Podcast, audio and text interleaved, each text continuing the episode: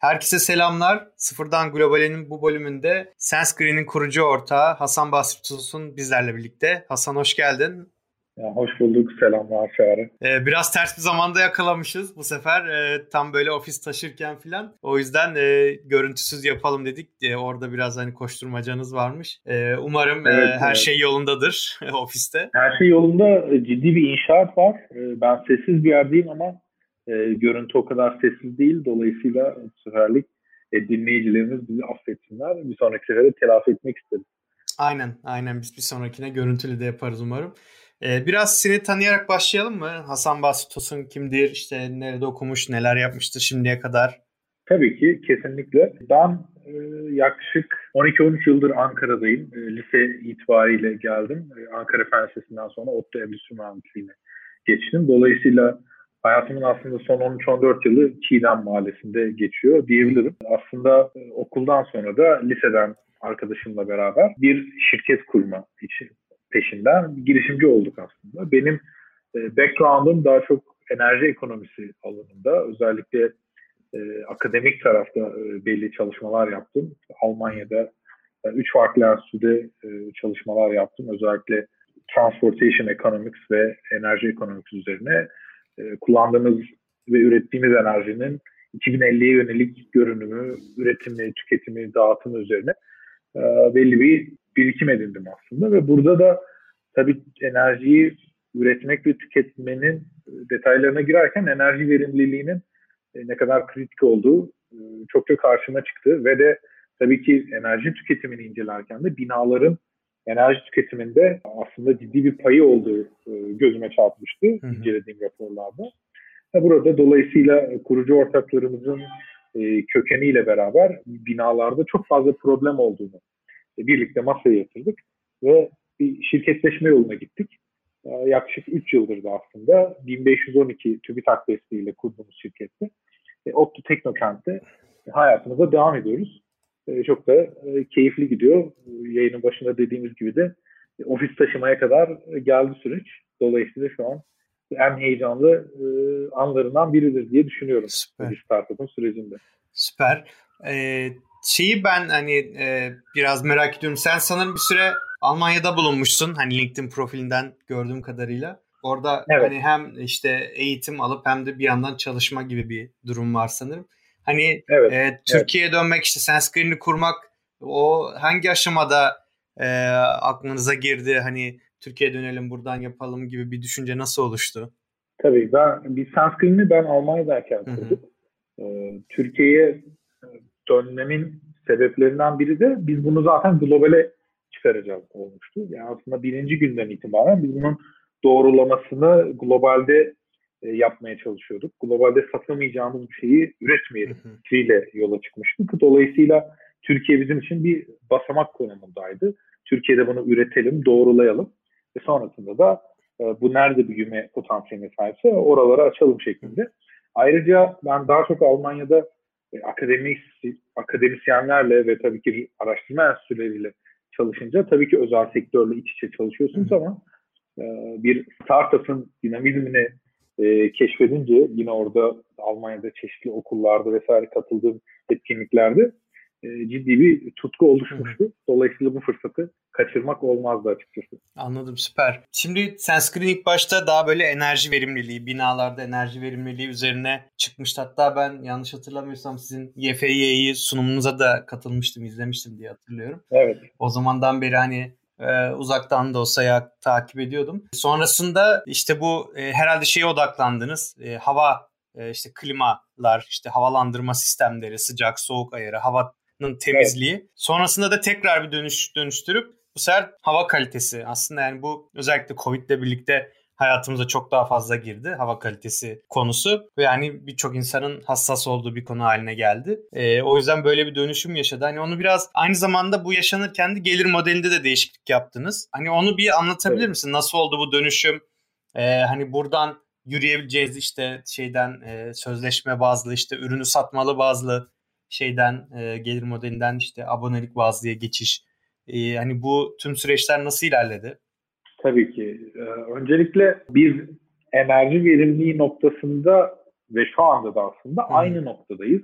problem olarak aynı noktadayız. Problem ne? Binalar yönetilemiyor. Yönetilememesinin sebeplerine veri yok veya veri olsa dahi doğru karar alınamıyor. Burada e, günün sonunda enerji verimliliği bir e, doğal bir çıktı oluyor aslında. Siz binayı doğru yönetirseniz. Doğru yönetilen binada enerji tasarrufu çok ciddi yatırımlar yapmadan da ortaya çıkabiliyor düzlü miktarlarda da olsa. Ki binaların özellikle ticari ölçekli binaların ne kadar e, yüksek boyutlarda enerji tükettiğini varsayarsak %1-2'lik bir düşüş bile e, ciddi rakamlara e, tekabül ediyor. Biz burada enerji verimliliğiyle yola çıktığımızda biraz daha bu işin hem entegrasyonu ve kontrol tarafına çok fazla kafa yormuştuk.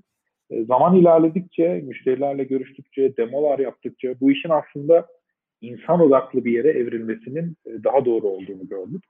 İnsanı ve iklimlendirme sistemlerini merkeze alan şeyin ise hava olduğunu keşfettik. Dolayısıyla burada havanın görünür olduğunu ortaya çıkarmak, görünmez olan havayı görünür hale getirmenin e, ciddi bir değer olduğunu e, anlamamızla beraber e, pivot edip hem iş modelini e, hem bunu sonuç tarzımızı e, değiştirmeye karar verdik. 2020 yılının başında. Tam bu olurken de e, Techstars'tan kabul aldık. E, Techstars'ın e, Abu Dhabi e, ayağından Habi 71 ile beraber yürüttükleri. Orada geçirdiğimiz yoğun 3 ay mentorluk ve eğitimden sonra da aslında bu kafamızda çok daha e, oturdu. Bunu da benimsedik. Tam o noktada biz Techstars'ı bitirirken e, pandemi e, zirve yaptı. Bir pandemi olduğu aslında ilan edildi. Dolayısıyla insanlar e, soluduğumuz havanın aslında ne kadar tehlikeli olabileceğini e, veya soluduğumuz havadan aslında ne tür sonuçlar ortaya çıkabileceğini ve daha yakından inceleme fırsatı buldular. Dolayısıyla havayı görme ihtiyacı ve buradaki problemleri daha da derinine inceleme ihtiyacı e, gün geçtikçe ortaya çıktı. Bu nice to have bir şeyden must have bir şeye doğru e, dönüşmeye başladı. Hala dönüşmüş değil ama görüyoruz ki bu regülasyonlarla beraber belli bir noktada zorunluluk haline gelecek. Tıpkı içtiğimiz suyun e, biz e, etiketini veya testini bildiğimiz gibi veya yediğimiz yemeğin son kullanma tarihini bildiğimiz gibi soluduğumuz havanın da ne olduğunu bilmek isteyeceğiz. Dolayısıyla bu dönüşüme öncülük etmek için biz iş modelinden e, geliştirdiğimiz ürüne kadar bir dönüşüme gittik. Burada tabii e, business model'dan da bahsetmek gerekir. Bizim enerji verimliliğini satarken e, denediğimiz birkaç yöntem oldu ve bunlar başarısız oldu. Bunların aslında en başında bir ESCO gibi davranmak geldi. Bir enerji verimliliğini garanti etme noktasına e, bile gittik. Fakat sadece Türkiye'de değil dünyada da ESCO modelleri aslında ciddi miktarda sınanıyor. Ve çoğunca da başarısız oluyor. Çünkü bunun ne yaparsanız yapın yönetimsel aksaklıkları dönüp dolaşıp e, sizin başınıza patlıyor. E, ve bu işin tabii ki işte hukuki, sözleşmesel boyutları da bir startup'ın kaldıramayacağı boyutlara varabiliyor. Burada yine Techstars'la geçirdiğimiz e, süreç sonrası bunun bir subscription'a dönmesinin iki taraf için de e, en sağlıklı yöntem olacağına karar verdik. Burada tabii sunduğunuz faydanın sürdürülebilir olması çok önemli. Müşteriden yıllar boyunca e, aynı ödemeyi alabilmeniz için. Bugünlerde aslında son 6 aydır da bunun üzerine ürünler, modüller, özellikler geliştiriyoruz. Ki müşterilerimiz bizi önümüzdeki 1-2 ay için değil 5 sene için kullansın, fayda üretsin ve böylece günlük hayatlarının değişmez bir parçası olalım. Hı hı. E, Esko model şey sanırım değil mi? Hemen sen söylerken e, Google'da arattım. Enerji Servis Company. Evet, evet. Yani biraz daha onlarda e, büyük ölçekli retrofitler yani binanın hı hı. bir dönüştürülmesi noktasına gidiliyor. Ve çoğunca finansmanı e, belli bir kurum tarafından sağlanıyor ve sağlanan enerji tasarrufu iki taraf tarafından bölüştürülüyor. Böylece faydalanıcı tarafında sıfıra yakın yatırım maliyetiyle e, bir kazanım sağlanmış oluyor. Bu ortaya çıkan tasarrufun belli bir yıl boyunca hı hı. paylaşıldığı bir modelden bahsediyor. E, kendi içinde çok derin bir model. Yani e, dediğim gibi bir startup'ın belki hiç girmemesi gereken bir konu esasında. Evet. Buna peki yani siz nasıl karar verdiniz? Böyle şey hani müşteri bulmakta böyle zorluk çekince mi yoksa hani böyle bir mentorlerden gelen böyle bir geri bildirim mi oldu? Hani nasıl e, bu dönüşümü hani yapmaya, bu pivotu yapmaya karar verdiniz? İki, iki türlü de oldu aslında. Yani belki burada Türkiye ve bölgemizde olmanın da yine etkili etkisi olmuş olabilir. Bizim işte ilk mentorlarımızdan hatta ilk mentorumuzun dediği bir şey vardı. Ya aslında satmak çok zor olsa bile satmaktan daha zor olanı ödemeyi almak. Dolayısıyla yani siz bir modeli e, ortaya koydunuz evet bunu sattınız ama ödemeyi nasıl alacaksınız? Hakikaten alabilecek misiniz noktasında? E, ciddi ar- e, tartışmalar oluşuyordu müşterilerle bizim aramızda. Ve bu noktada biz bundan bir noktada e, çekilmeliyiz diye düşünürken e, Techstar'la birlikte e, aslında bu işin nasıl olması gerektiğini e, anladık. E, buraya doğru hem mentorların hem müşterilerin e, itelemesiyle hem de marketin itelemesiyle e, gelmiş bulunduk. Anladım. Peki bu hani şey e, özellikle Orta Doğu bölgesi hedefinizde miydi Techstars? Hani öncesinde de yoksa yine bu dönüşümle birlikte mi? E, hani hedef pazarı biraz daha Orta Doğu'ya işte Arap Körfezi bölgesine çevirdiniz. Evet. E, bizim hedef pazarlarımızın belli e, özellikleri var. Burada hı hı. İklimlendirmeye bağımlı yaşayan pazarlar bizim için ön plana çıkıyor. Baktığınız zaman biz Türkiye'de ortalama zamanımızın %90'ını içeride geçiriyoruz. Ama klima bir zorunluluk değil yani. Ama e, Birleşik Arap Emirlikleri gibi veya Orta Doğu aslında Körfez dediğimiz ya da Güneydoğu Asya gibi bölgelerde e, klimasız hayat mümkün değil. Dolayısıyla burada ciddi bir konfor ve aslında enerji çakışması oluyor. E, dolayısıyla bunu çözmekte veriyle ve analizle mümkün. Her zaman e, bir gözlemlediğimiz bir pazar olmuştu. Ama girebilmek için tabii doğru bir altyapı ve destekçiniz olması gerekiyor. E, Techstars'la beraber bu ortamın oluştuğunu düşündük. Sadece Techstars'la değil, orada biz e, çeşitli kanallardan e, Birleşik Arap Emirlikleri hükümetinden de aldığımız bazı teşvikler var. Bu da tabii pazara girmeyi kolaylaştırıyor. Belli maliyetlerinizi düşürüyor. Bu da tabii ki çok teşvik edici şey. Bir, bir pazara e, sıfırdan girip o pazarda belli bir pay edinmek için. Hı hı. Süper. Ee, peki biraz hani e, bu alanı çok tanımayan insanlar için, e, bizi izleyen, dinleyenler için şeyi biraz anlatabilir misin? Yani şu an ne tür sensörleriniz var, ne tür sistemler var, işte ne tür bir arayüz sunuyorsunuz o binayı yöneten kişilere hani nasıl bir e, verimlilik ve işte hava kalitesindeki artış sağlıyorsunuz? Tabii ki. Ee, biz bir aslında Hı-hı. Internet of Things şirketiyiz. Yani nesnelerin internet şirketi olarak kendimizi tanıtıyoruz ve iklimlendirme sektöründe faaliyet gösterdiğimizi e, açıklıyoruz. Burada iklimlendirme sistemlerinin veya binaların e, nesnelerin internetine entegre olamamasının önünde birkaç tane engel var. Bunlardan bir tanesi kablolama. Çünkü farz edin ki 150 bin metrekare bir AVM'niz var ve bu AVM'nin siz 300 noktasından veri toplamak istiyorsunuz. Bu topladığınız veri noktalarını kabloyla hem güçle hem veri toplamak için beslemek ciddi bir maliyet. Çoğunca kablolama maliyeti proje maliyetini geçiyor. Dolayısıyla burada önerdiğimiz aslında en büyük e, değer önerilerinden biri sistemimizin tamamen tak ve çalıştır olması. Bir AVM'ye girdiğimizde 1-2 saat içinde aslında yüzlerce noktadan veri toplayabilir ve çıkabilir bir halde oluyoruz. Bu ciddi anlamda e, bu ürünümüzü denemeyi kolay hale getiriyor. Denediği zaman da bunun faydasını görüp inanıp e, devamını getirmek istiyor aslında müşteri. Burada önerdiğimiz nokta da yine havadan bahsediyordum. Havanın görünmez oluşu. Hava dediğimiz şey e, içinde yüzlerce farklı partikül, molekül veya komponent bulunduran bir aslında karışım. Ve burada en kritik biz 11 parametreyi e, geliştirdiğimiz sensör aracılığıyla tek bir noktadan ölçebiliyoruz.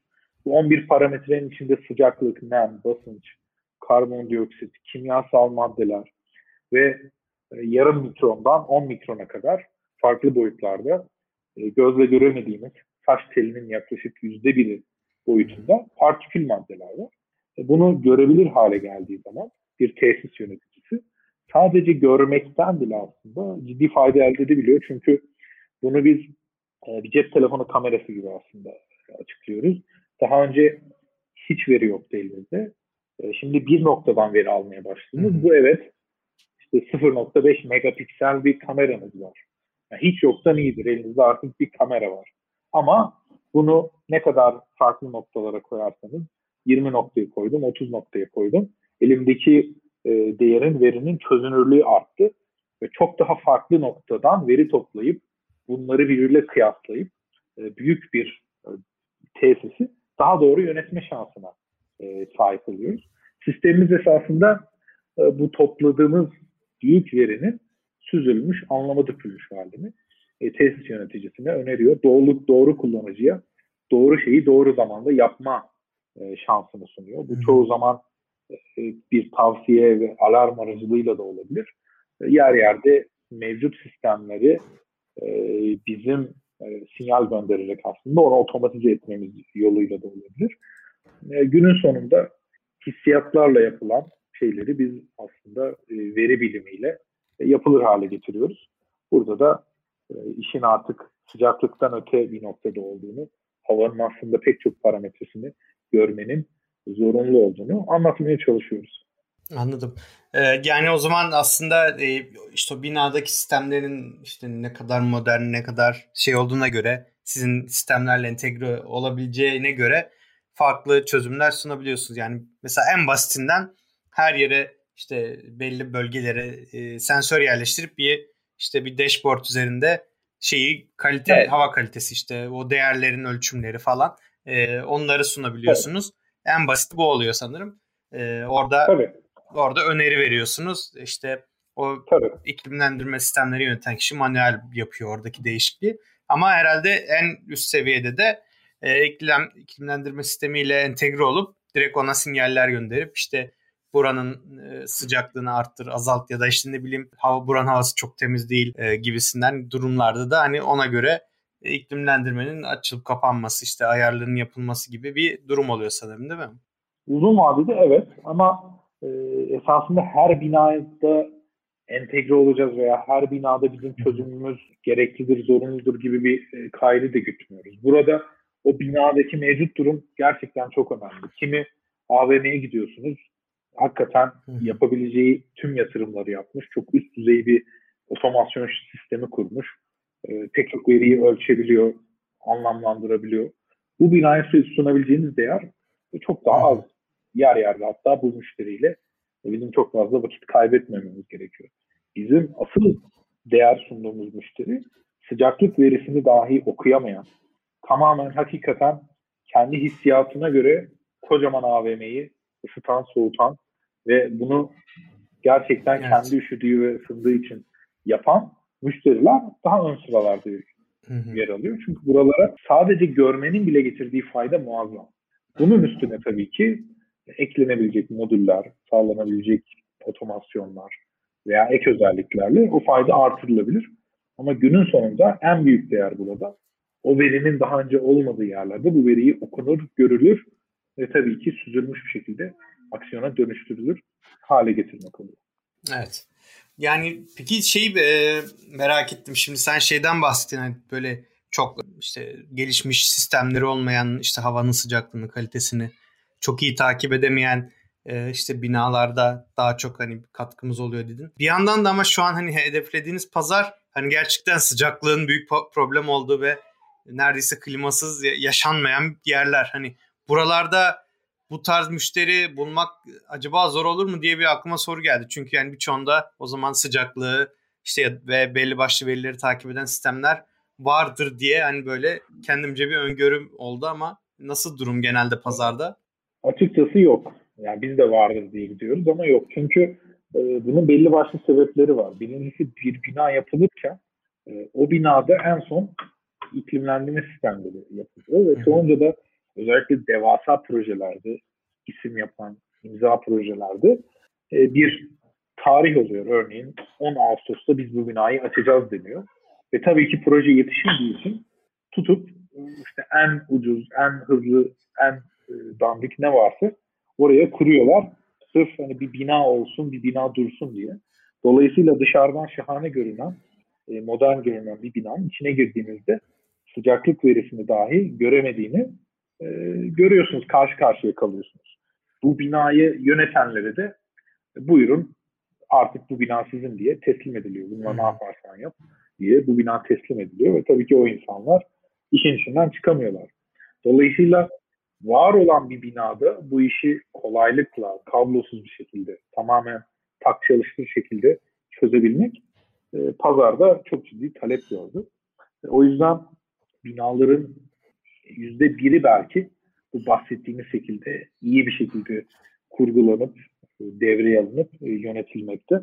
Kalan yüzde 99'u sıkıntılarla boğuşuyor. Dolayısıyla e, nereye gitsek e, müşteri buluyoruz. Pazar hakikaten problemler dolu ve biz de e, nereye kafamızı çevirsek e, problem çözecek bir nokta buluyoruz açıkçası. Evet. Çok enteresan yani böyle bir şey olması. Ee, herhalde biraz da şey bu. Hep işte bir inşaat, müteahhitlik bakış açısı büyük projelerde bile çok oluyor demek ki ya işte havalandırma, iklimlendirme o Kesinlikle kadar da öyle. öncelikli görülmüyor herhalde. Öncelikli şöyle düşünün, şöyle bir örnek vereyim. Bir binanın ya da herhangi bir aslında sistemin e, hayat ömrü diye bir şey vardır. Yani buna ben bunun üstünde hatta otomobillerde çalıştım bir süre. Total Cost of Ownership diye bir kavram var. Bir binaya baktığınızda neredeyse yüzde yirmisi aslında inşaat maliyeti oluyor. Kalan yüzde sekseni doksanı o binanın hayatı boyunca belki 50 yıllık faydalı ömrü boyunca işletme ve operasyon maliyetleri oluyor. Dolayısıyla esasında o yüzde yirmiden ilk inşaat maliyetinden yüzde bir kısabilmek için her şeyin en ucuzu veya işte en nereden baksanız o anki en müsaiti e, seçiliyor. Ama dediğim gibi bu kalan yüzde seksene öyle bir etki ediyor ki tamamen o binayı yönetenler, işletenler bununla karşı karşıya kalıyor.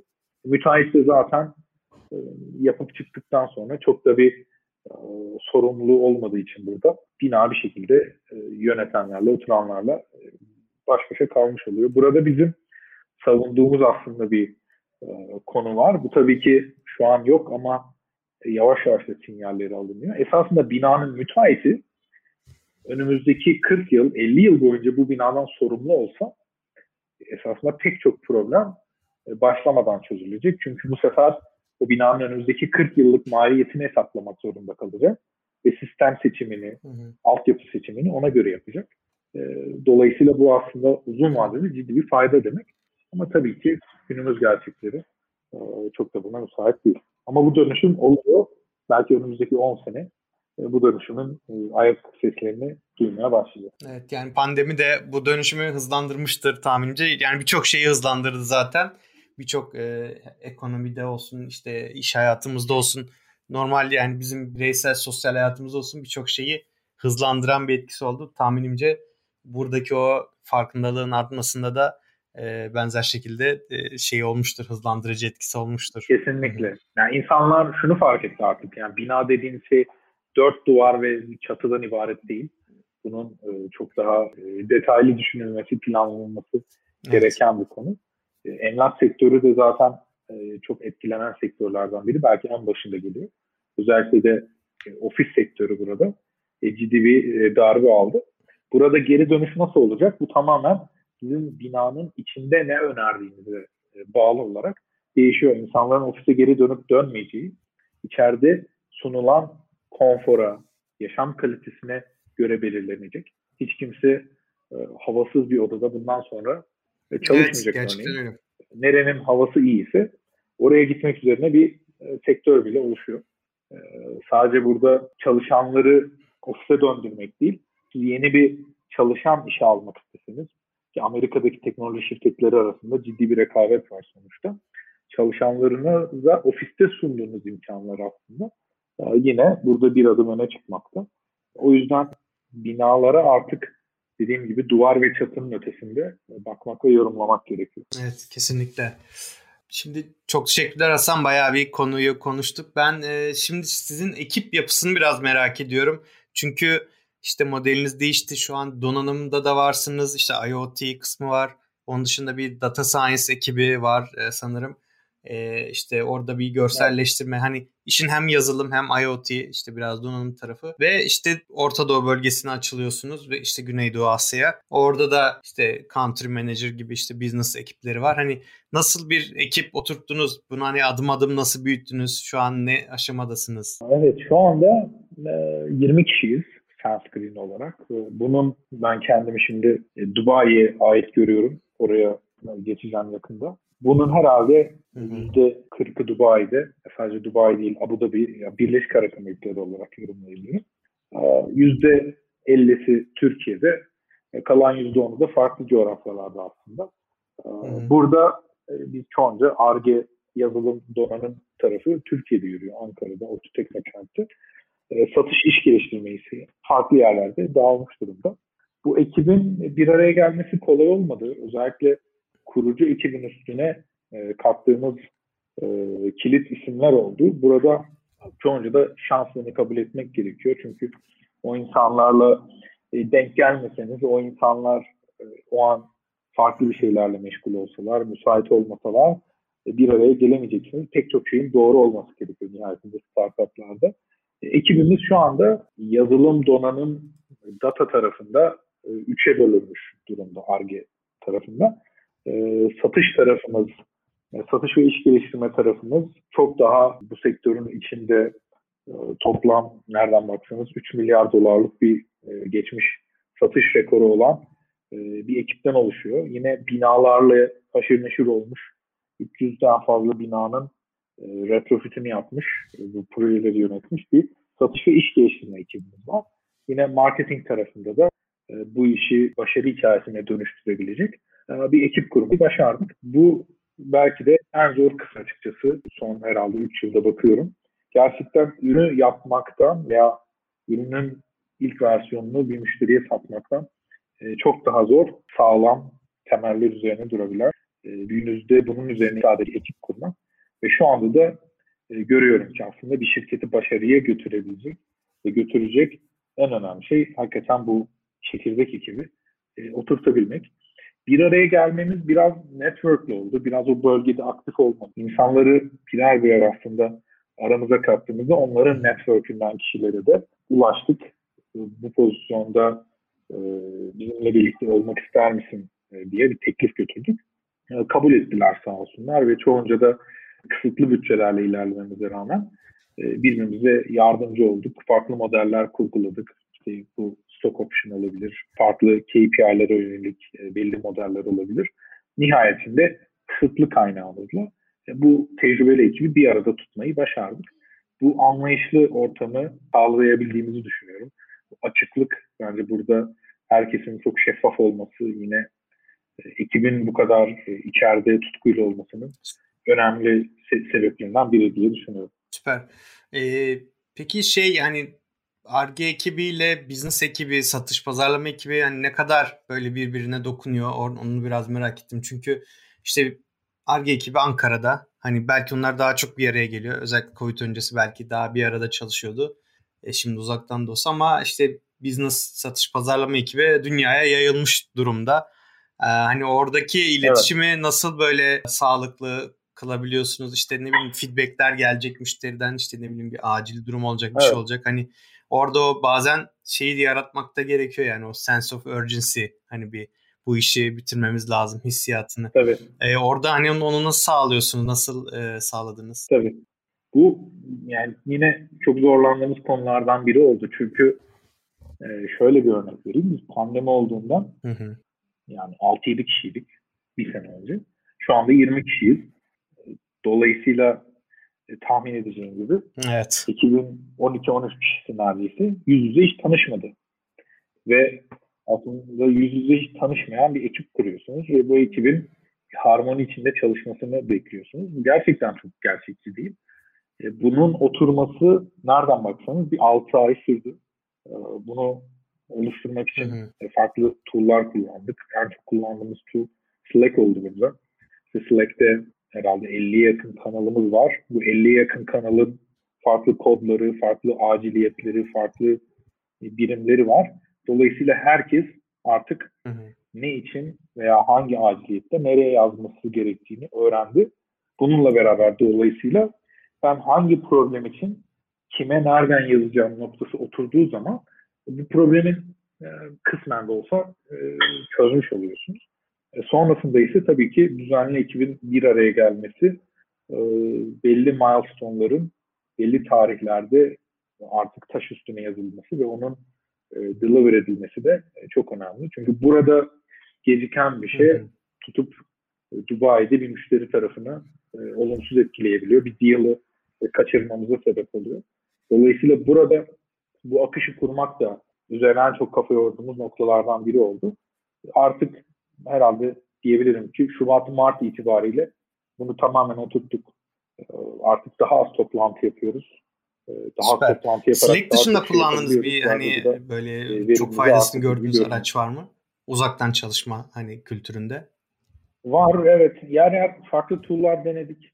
Ee, örneğin yani Discord'dan tutun da farklı chat tool'larına, konuşma tool'larına kadar denedik. Ama çok kalıcı olmadı. En çok Trello'yu kullandık. Yine işte herkes şeffaf olarak e, birbirinin e, ne yaptığını, neler üstüne çalıştığını görsün. Herkes birbirine e, task atayabilsin veya yorum yapabilsin. Böylece e, iletişimi kolaylaştıralım gibi. E, biraz daha şimdi Trello'dan farklı tool'lara kayıyoruz. Özellikle satış ve marketing tarafını tamamen HubSpot'a geçirdik. Aktif olarak kullanmaya başlıyoruz. Yine Jira'yı destekleyen özellikle development tarafında farklı ara birimlerle satış ve teknik ekibin bir araya gelmesini kolaylaştırmaya çalışıyoruz. En aktif kullandığımız dolayısıyla Slack'tan sonra HubSpot diyebilirim, Jira diyebilirim. Bunun da altında belli başlı entegre olan e, tool'lar var. Anladım süper. Peki e, bir de şeyi sorayım bu uzaktan çalışma ile ilgili son sorum olsun. Hani bu 6 aylık bir sürede ekip işte birbirine uyum sağladı. Kimin nerede ne yazacağı, işte kime nasıl ulaşacağını herkes öğrendi. Ee, mesela diyelim ki yeni bir kişi geldiğinde de 16 ay mı gerekecek yoksa hani böyle o onboarding e, yeni gelen kişinin onboard olmasında da böyle işte bir dokümantasyondur, yol göstermedir bir şeyler tasarladınız mı? Çünkü hani hakikaten 6-7 kişiden 20 kişi yapmak bayağı şey yani özellikle şu Covid döneminde çok daha herkesi onboard etmek çok daha zor olmuştur. Ee, hani orada bir yöntem izlediniz mi?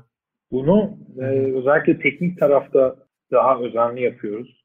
Özellikle yeni bir yazılımcı ekibe katıldı. Ne yapacağını bilmesi lazım e, kendiliğinden. Çünkü e, o da yarın öbür gün gidebilir, başkası gelebilir. Dolayısıyla her şeyin belli bir standartta olması lazım. Orada o dokümantasyon hmm. çok daha sıkı bir şekilde ilerliyor. E, onboarding süreçlerimiz daha tanımlı.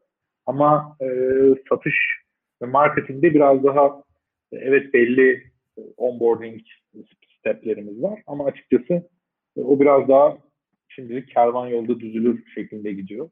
E, çünkü e, yeni katılacak bir kişiye örnek vereyim. Filipinler'den birisi aramıza katıldı. Şimdi o insana evet. siz Türkiye'deki bir satışçıya uyguladığınız onboarding'ı uygulayamazsınız. Dolayısıyla biraz da sıfırdan yeni bir şeyler aktarmak gerekiyor. Biz şunu gördük açıkçası, bu genelde de böyleymiş zaten sektörde de.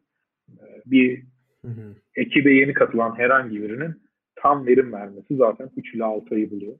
E, o yüzden biz bu süreyi ne kadar kalkabilirsek o kadar e, karlı diye düşünüyoruz. Anladım. Süper. Çok teşekkürler. E, bu Covid ile ilgili kısmı da böylece kapatmış olalım. Artık son sorulara doğru geliyorum. E, zaten hani e, işiniz gücünüz bayağı yoğunluk var. Çok şey yapmayayım zaten zamanında almayayım. E, ben şimdi şeyi merak ediyorum. Tabii biz e, ihracat odaklı bir kanal olduğumuz için ee, sizin şu an yurt dışı gelirleri, toplam gelirin ne kadarına denk geliyor? Hani bu paylaşabileceğiz bir veri ise tabii yüzde olarak. Tabii. Ee, tabii ki. E, bizim şu anda e, 10 toplantımızdan 8'i diyebilirim. E, Türkiye dışında. Özellikle de Birleşik Arap Emirlikleri ve yer yer Katar ve Suudi Arabistan. Hı hı. E, biraz da son dönemlerde işte Singapur, Filipinler eklenmeye başladı.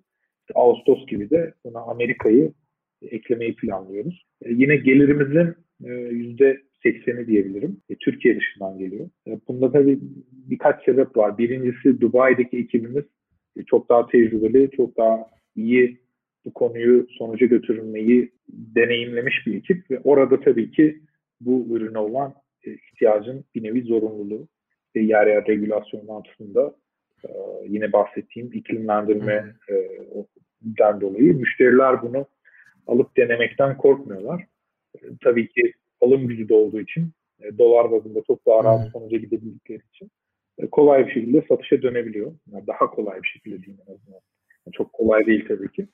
E, Türkiye'de ise belli başlı challenge'lara var. Örneğin biz e, Birleşik Arap Emirlikleri'nde ödemeyi yıllık alabilirsen Türkiye'de aylık ödeme konusunda istekler geliyor. İşte bunun finansmanı vesaire veya Türkiye'de bir satışın sonuçlanması e, daha uzun sürebiliyor. Özellikle yine sebeplerinden biri e, global bir şirketse bu çoğunca e, bağlı olduğu bölge müdürlüğüne ulaşıp oradan onay almak istiyor. Bu bir iki ay sürebiliyor.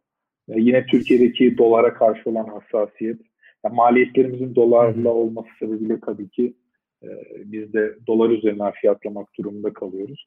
TL yönelik tabii ki bir fiyat verebiliyorsunuz ama günün sonunda örnek vereyim. Türkiye'de bir banka şubesinin aylık ayırabileceği bütçeyle Dubai'de bir banka şubesinin aylık ayırabileceği bütçe arasında kat kat fark oluyor. Dolayısıyla Türkiye biraz şu anda işte test ettik. Mutlu müşterilerimiz var. Bu referanslarla yurt dışında e, kapıları açabilir miyiz diye konumlandığımız bir pazar. Ama kendi içinde de büyük ve gelişen bir pazar olarak görüyoruz. O yüzden sürekli burada da bu baskıyı kurmaya devam ediyoruz. Yeni görüşmeler, yeni müşteriler, yeni ödeyen veya demo müşteriler e, bulmaya devam ediyoruz. Yani soruna kısa cevap vermek gerekirse işte %80 gibi şu anda yurt dışından gidiyor. Evet. Güzel, e, gayet güzel bir oran. Yani ki ilk birkaç yıl sadece Türkiye'ye odaklandığımızı düşünürsek. E, ama dediğin gibi bence yani Türkiye'de de potansiyel artabilir. Özellikle işte bu Covid e, hani pandemi biraz azalmaya başlarsa işte tekrar ofise dönmeler artmaya başlarsa hani bu e, enerji verimliliği, havanın kalitesi e, özellikle büyük kurumsal firmalar tarafından daha da önemsenecek büyük ihtimalle. Çünkü diğer türlü e, çalışanları ofise geri çekmekte zorlanabilecek yani birçok firma. Kesinlikle. E, o yüzden e, orada bir ihtiyaç tekrar oluşacak gibi geliyor Kesinlikle. bana. Kesinlikle. Bir noktada da büyük bir pazar olduğu özellikle Birleşik Arap Emirlikleri'ne kıyasla yer yerde daha potansiyelli bir hı hı. pazar. Baktığınız zaman bir bankanın burada 500-600 şubesi varken Birleşik Arap Emirlikleri'nde 40-50 şubesi var. Dolayısıyla evet. sizin bir bankaya satabilmeniz demek e, ciddi bir gelir imkanı da aslında yaratıyor. Dolayısıyla hangi hangi noktadan baktığınıza bağlı. İşte Türkiye'deki okul sayısı örneğin özel okul sayısı yani binlerle ifade edilebilir. Hı hı. Bu da aslında kendi içinde sadece bu bile iyi bir pazar demek ama dediğim gibi ya bunu aşmak kolay değil. Ee, biraz daha e, early adopter dediğimiz aslında nihayetinde bir e, tabaka var. Türkiye'deki early adopter sayısı ve oranı da aslında e, diğer gelişmiş ve gelişmekte olan ülkelere göre daha az. Bu da yine e, sebeplerinden biri oluyor. E, satış süreçlerinin uzun sürmesinin veya demodan satışa dönmesinin e, olmamasını. Hı hı. Evet. Evet, çok teşekkürler.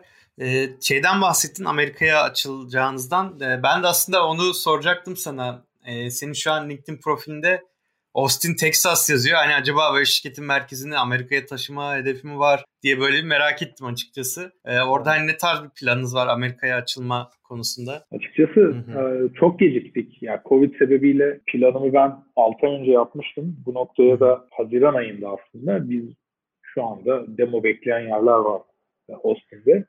El sıkıştığımız. Orada da e, çok tecrübeli bir iş geliştirme müdürümüz var. Austin'de yaşıyor.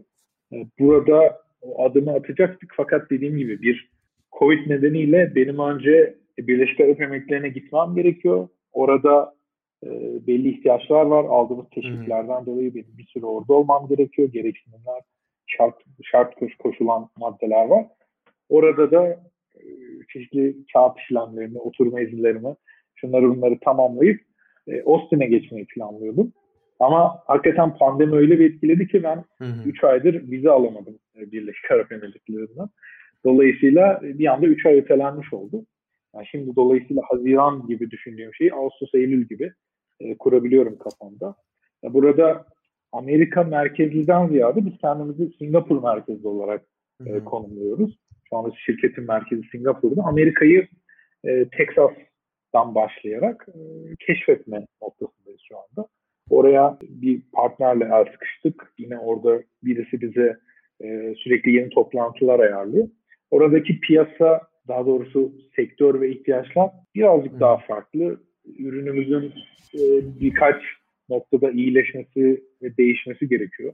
Bunları anlamış olduk. Dolayısıyla önümüzdeki 4-5 ay paralelde bu noktalar ilerleyecek, gelişecek. Ağustos, Eylül gibi ilk cari satışlarımızı yapmış olmayı hedefliyoruz. Kendi içinde beklentimiz çok büyük. Çünkü regülasyon çok daha orada sıkı. Bir örnek vermem gerekirse Kaliforniya'da bir yasa geçti 2 ay önce. Bütün okullarda, hmm. Kaliforniya'daki bütün okullarda Eylül'den itibaren gerçek zamanlı evet. karbondioksit izlenmesi zorunlu hale getirildi.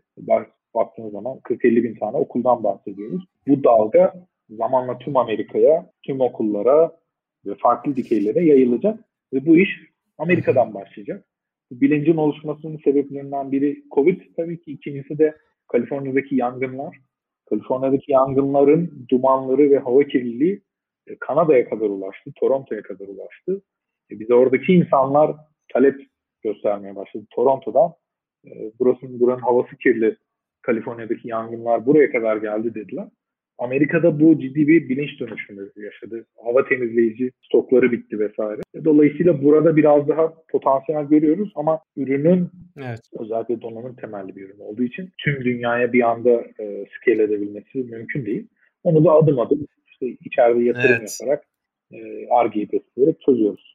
Evet zaten yani e, mantıklı olan da o. Şimdi bir anda tüm Amerika'ya yayılmaya çalışsan hangi birine yetişeceksin Amerika dediğin 3 zaman diliminde yayılan kocaman bir ülke. Evet. O yüzden hani Tabii, belli... Texas'ın GDP'si Türkiye'nin 4 katı yani baktığımız zaman. Dolayısıyla o bile kendi içinde e, sonsuz bir pazar gibi görünüyor şu anda. Aynen. Yani mesela düşünüyorum işte Texas, Arizona, Kaliforniya bu üçüne gitsen bile zaten yani evet. çok büyük bir ekonomiye hitap etmiş oluyorsun. Yani böyle yavaş yavaş işte batıya doğru falan açıldığını düşünürsek evet. yani gayet makul olabilir. Çok teşekkürler ee, Hasan. E, ben şeyde peki biraz kafam karıştı. Dubai'ye gideceğim demiştin. Evet. E, Dubai'den de şeye mi gideceksin Amerika'ya? Amerika'ya. Evet plan o yönde. E, Dubai'ye gitmemin e, sebeplerinden biri orada birincisi görüşmeyi bekleyen yatırımcılar var. Benim orada olmamı bekliyorlar. Orada Doğru. Zoom çok da fazla aslında e, kapı açmıyor diyeyim. Orada şahsen olmanız ve e, masaya oturmanız gerekiyor. İkincisi de e, oradaki hükümetten aldığımız e, teşviklerden dolayı e, belli başlı yükümlülüklerimiz var. Benim orada olup, orada yerleşik olup, yerleşik görünüp en azından e, orada küçük bir ekip kurmam evet. E, ve orayı işler hale getirmem gerekiyor. Bunu ben Ocak'tan itibaren yaparım diye düşünüyorum ama şimdi Nisan oldu. Şu an başlayabileceğim. Vizem daha yeni çıktı. E, bunu yapmam işte ne kadar sürerse 2 ay 3 ay belki. Sonrasında artık rahatça arkama bakmadan gidebileceğim. Anladım süper. Bayağı yoğun bir gündem seni bekliyor o zaman. Umarım e, şey Covid'den de böyle etkilenmeden olumsuz yanlarından e, halledebilirsiniz. Şimdiden bol şans dileyeyim. E, başarılar dileyeyim size. Hani hakikaten e, bayağı dünyanın birçok yerine açılıyorsunuz. E, çok gerçekten gurur verici bir yandan da. Çok teşekkür ederim. Herhalde çok farklı saat dilimlerinde e, çalışacak olmak evet. sanıyorum pek çok uykusuz geceyi e, geçireceğim anlamına geliyor ama tabii ki bu, bunların hepsini bilerek bu yollara çıktık. Çok keyifli bir dönemden geçiyoruz. Ya son zaten YSİ'den bugünleri alırsak e, o bebek adımları, o küçük küçük adımları ata ata bu noktalara kadar kendimiz de tecrübeler e, kazana kazana geldik. Nihayetinde 3 sene önce bunu yapamazdık. O kabiliyetlerimiz, o yeteneklerimiz yoktu. Kendimiz de piştik, çok şey öğrendik, hatalar yaptık. Bunu artık gerçekliğe dönüştürme, faydaya dönüştürme, büyümeye dönüştürme zamanının geldiğini hissedebiliyoruz. E, bu da çok heyecan verici. E, sana da çok teşekkür ederim davetin için. Umarım bir sonraki sefere daha belki güzel bir manzarada görüntülü olarak da e, farklı bir hikayeyi anlatabiliriz. Aynen. Dubai'de ya da Austin'deyken artık neresi denk Aynen aynen. Biz de yazları Kuşadası'na gidiyoruz. Özellikle pandemi olunca uzaktan ben de belki Kuşadası'ndan açarım kamerayı bu sefer. Kesinlikle. Kulağa hoş Çok güzel. Aynen. E, son bir şeyi sorayım e, kapatmadan. Hani senin eklemek istediğin bir şey var mıdır? İşte ne bileyim daha böyle şirketi büyütmeye devam ediyorsanız aradığınız pozisyonlar olabilir. E, onun dışında hani vermek istediğin bir mesaj olabilir. E, ondan sonra kapatalım istersen. Şu anda birkaç ay özellikle hı hı. E, bir süre bu ekip e, götürecek gibi duruyor. O yüzden biraz daha bekleyeceğiz. Ama arayacağımız ilk aslında açıklık software tarafında olacak. Backend ve embedded taraflarında e, orada çok ciddi desteğe ihtiyacımız olacak gibi duruyor. Oraya ben şimdiden bir evrene mesaj yollamış olayım burada. Yani diğer bir nokta ise açıkçası ben buradan e, bir teşekkür etme şansım varsa YFİ ekibine e, çok teşekkür ederim. Çünkü e, hakikaten burada bir podcast'te konuk olabiliyorsak e, onların üzerimizdeki emeğini e, boş geçirmeyiz. O yüzden e, kocaman herkese sevgiler ve teşekkürlerimi iletmiş olayım. Çok teşekkürler Hasan. E, buradan da duyurmuş olalım. E, backend ve embedded yazılımcı. Yani e, embedded konusunda Ankara'da çok sıkıntı çekmezsiniz tahminci. Özellikle böyle savunma sanayine falan biraz göz dikseniz birileri çıkar diye tahmin ediyorum. Buradan da duyurmuş olalım. Zaten hani bir anda olmuyor bu işler. Belki aylar sürüyor. O yüzden şimdiden başvurmayı düşünenler olursa belki e, CTO'nuzun kapısını çalabilir. E, Aykut'un e, o şekilde ilerleyebilir. Ve yani evet YFY'yi de buradan açılımını da iletmiş olalım. Yeni fikirler, yeni işler. ODTÜ'nün e, startup hızlandırıcısı. Sanırım Türkiye'nin en eskilerinden birisi. Ben de bir ara mentörlük yapıyordum işte pandemi yokken. Güzel bir deneyim olmuştu benim için de. Buradan da tüm ekibe selamlar olsun. Tekrardan çok teşekkürler.